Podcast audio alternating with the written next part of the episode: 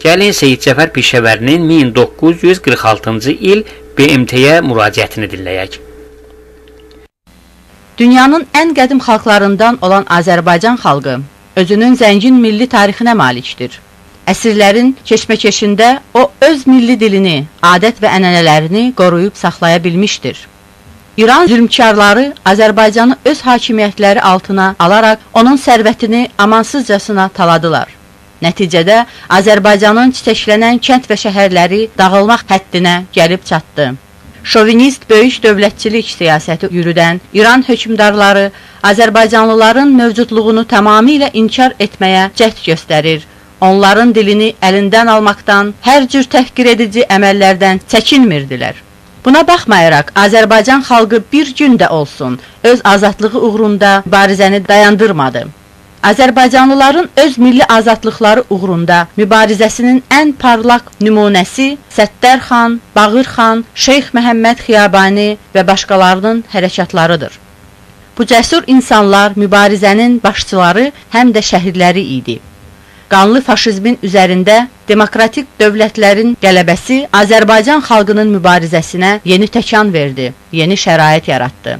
Tehran hökumətinin müqavimətinə baxmayaraq, bu ilin 21 Azərində Azərbaycan xalqının əsrlərdən bəri apardığı mübarizəsi qələbə ilə başa çatdı. Atlantik Xartiyasına uyğun olaraq Milli Məclisin Azərbaycan Milli Hökumətinin qurulması ilə nəticələndi.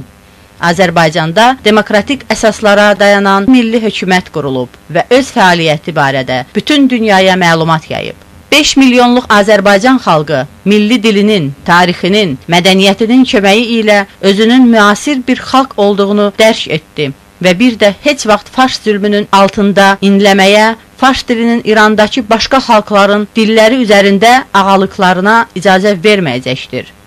Bu xalq bir nəfər kimi öz həyatını milli azadlığına və dövlətinə qurban verməyə hazırdır.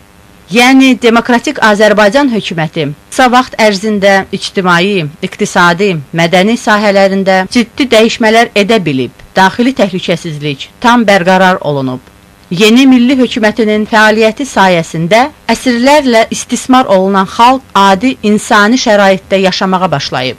Bununla da o öz milli dövlətini qurmağa, onu idarə etməyə qadir olduğunu göstərir.